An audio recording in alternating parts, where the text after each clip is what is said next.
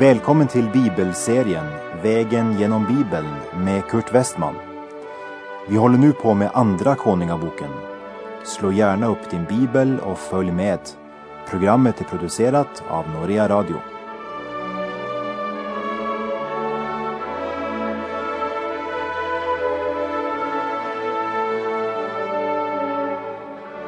Vi har kommit till Andra Kungabok kapitel 13, vers 22.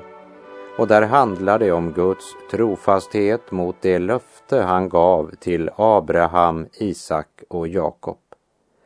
Andra Kungabok kapitel 13, verserna 22 och 23.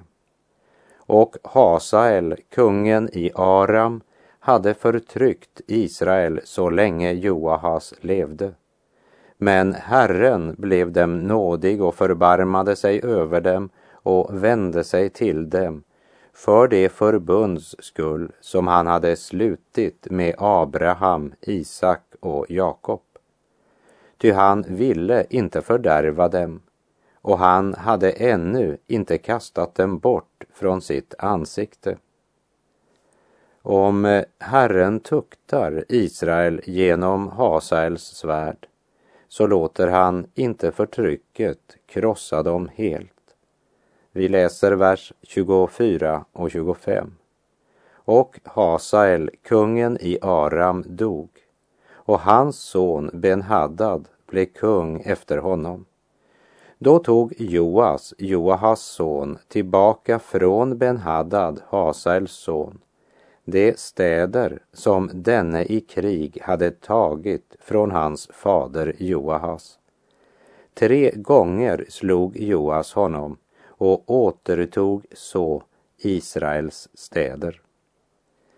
Profeten Elisa hade blivit vred på Joas och sagt till honom Du skulle ha slagit fem eller sex gånger Ty då skulle du ha slagit arameerna så att de hade gått under. Men nu kommer du att slå arameerna endast tre gånger. I Matteus kapitel 9 säger Jesus till de två blinda som ber att han ska ge dem deras syn. Som ni tror skall det ske med er. Och det var bokstavligen sant om kung Joas. Tre gånger hade han slagit med pilarna, sedan gav han bara upp. Och genom att han inte visade större iver så blev det för profeten ett tecken på Joas svaga tillit till Gud. Han hade ingen förväntan. Yttre omständigheter styrde hans förväntan. Han såg den mäktiga fienden, arameerna. Han såg den dödssjuke profeten. Han såg sin egen skröplighet, men han såg inte Guds möjlighet. Ingenting är omöjligt för Gud. Och innan vi går vidare på vår vandring så vill jag gärna ge dig en hälsning från Herrens eget ord. En hälsning till dig som upplever din situation så förtvivlat hopplös.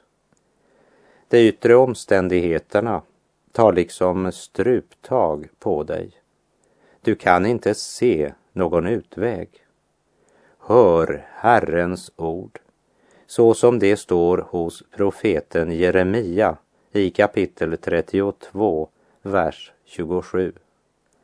Se, jag är Herren, allt köts Gud. Skulle något vara så underbart att inte jag förmådde det?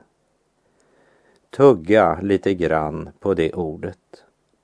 Böj dina knän och bekänn dina synder inför Gud. Tacka därefter Gud för syndernas förlåtelse. Och säg, jag sätter allt mitt hopp till dig alena. Ingenting är så underbart att inte du förmår det. Ge mig den iver som slår med ordets pilar igen och igen och igen. Och den förväntan att du i din gränslösa nåd vill stadfästa ditt eget ord och löfte. Det är evangelium. Hör detta du hungrige. Evangelium är att en tiggare berättar för en annan tiggare var det finns mat nog för alla. Kom också du till Guds ord, bordet som Herren själv dukat för dig och mig. Och håll ut på vår gemensamma vandring vägen genom Bibeln. Och jag är tacksam om du också kommer ihåg mig i dina böner.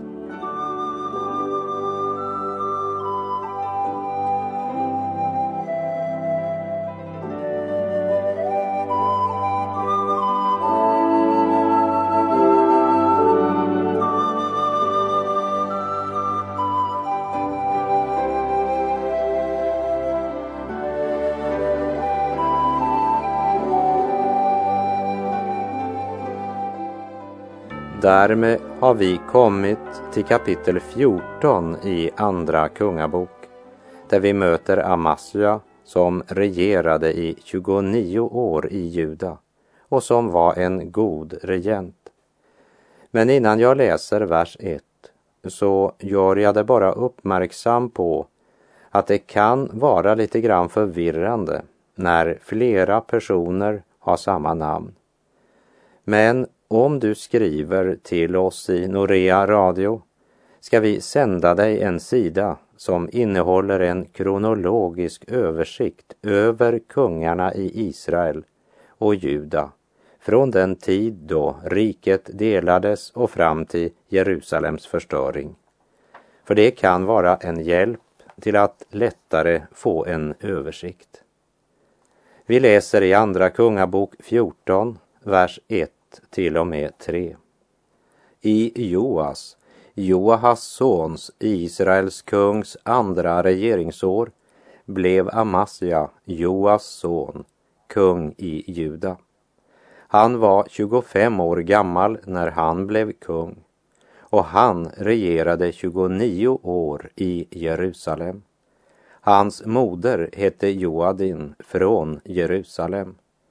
Han gjorde vad rätt var i Herrens ögon, dock inte som hans fader David. Han gjorde i allt som hans fader Joas hade gjort. Vi får veta att Amasja gjorde det som var rätt, men han klarade inte att leva upp till Davids nivå och vi får veta att inbördeskriget fortsatte mellan det delade riket som ju egentligen var ett rike. Vi läser vers 4 till och med 6. Offerhöjderna blev ändå inte avskaffade utan folket fortsatte att frambära offer och tända offereld på höjderna. Och sedan kungadömet hade blivit befäst i hans hand lät han dräpa dem av sina tjänare som hade dräpt hans fader kungen. Men mördarnas barn dödade han inte i enlighet med vad som var föreskrivet i Moses lagbok där Herren hade befallt och sagt föräldrarna ska inte dödas för sina barns skull och barnen skall inte dödas för sina föräldrars skull, utan var och en skall dö genom sin egen synd. Amasja, han var en som talade för sanningen, men som tyvärr saknade både mod och kraft att tala mot synden och förförelsen. Offerhöjderna blev inte avskaffade. Men han handlade efter Guds lag när det gällde att skona barnen till dessa som hade mördat hans far. Och så strider han mot edomerna i Saltdalen. Vi läser vers 7. Han slog edomerna i Saltdalen, tiotusen man, och intog Sela med vapenmakt och gav det namnet Joktel som det heter än idag. Men eh, när han upplevde en seger i livet så blev han så stolt att segern förde honom till ett stort nederlag. Vi läser verserna 8 till och med 12. Därefter skickade Amasja sändebud till Joas, son till Joahas, son till Jehu, Israels kung och lät säga Kom, låt oss drabba samman med varandra. Men Joas, Israels kung, sände då bud till Amasja, Judas kung, och lät svara. Törnbusken på Libanon sände en gång bud till sedern på Libanon och lät säga Ge din dotter till hustru åt min son. Men sedan gick markens djur på Libanon fram över törnbusken och trampade ned den. Du har slagit Edom och över det förhäver du dig i ditt hjärta. Men låt dig nu nöja med den äran och stanna hemma. Varför utmanar du olyckan, dig själv och Juda med dig till fall? Men Amasja ville inte höra på detta och Joas, Israels kung, drog då upp och det drabbade samman med varandra, han och Amasja, Judas kung, vid det Betsemes som tillhör Juda. Och Judas män blev slagna av Israels män och flydde, var och en till sin hydda. En enda seger och han förhäver sig till att i övermod gå i strid med de tio stammar som egentligen var hans bröder. Men priset för en övermodig ledare måste betalas av alla som följer honom i striden.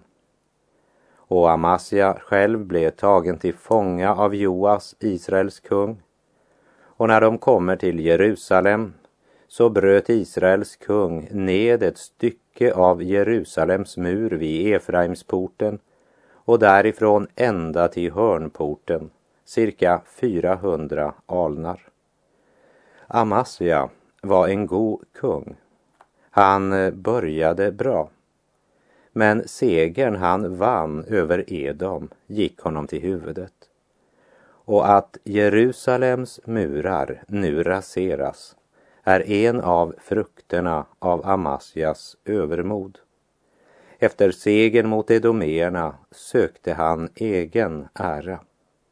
Och det är inte bara Jerusalems murar som tar skada, men skatten i Herrens hus går också förlorad. Vi läser vers 14 till och med 16. Och han tog allt guld och silver och alla kärl som fanns i Herrens hus och i kungens skattkamrar och dessutom gisslan och återvände så till Samaria. Vad nu mer är att säga om Joas och vad han gjorde och om hans bedrift och om hans krig mot Amasja, Judas kung, det finns upptecknat i Israels kungars krönika. Och Joas gick till vila hos sina fäder och blev begravd i Samaria hos Israels kungar.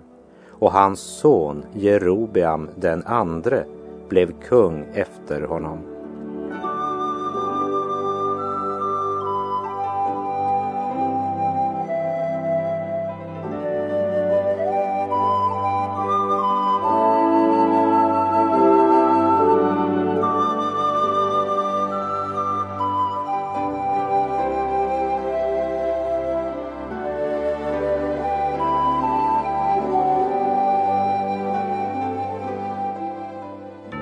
Israels kung besegrade Amasja, bröt ner Jerusalems mur på en sträcka som var cirka 400 alnar, tog skatten ur Herrens hus, bortförde många som gisslan.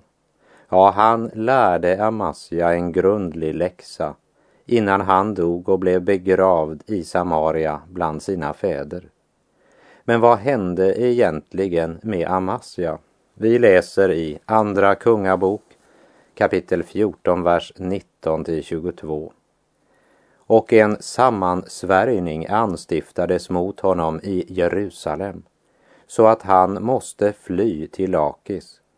Då sändes män efter honom till Lakis och dessa dödade honom där. Sedan förde man honom därifrån på hästar och han blev begravd i Jerusalem och sina fäder i Davids stad. Och allt folket i Juda tog Asarja, som då var 16 år gammal, och gjorde honom till kung i hans fader Amasjas ställe. Det var han som befäste Elat och han lade det åter under Juda sedan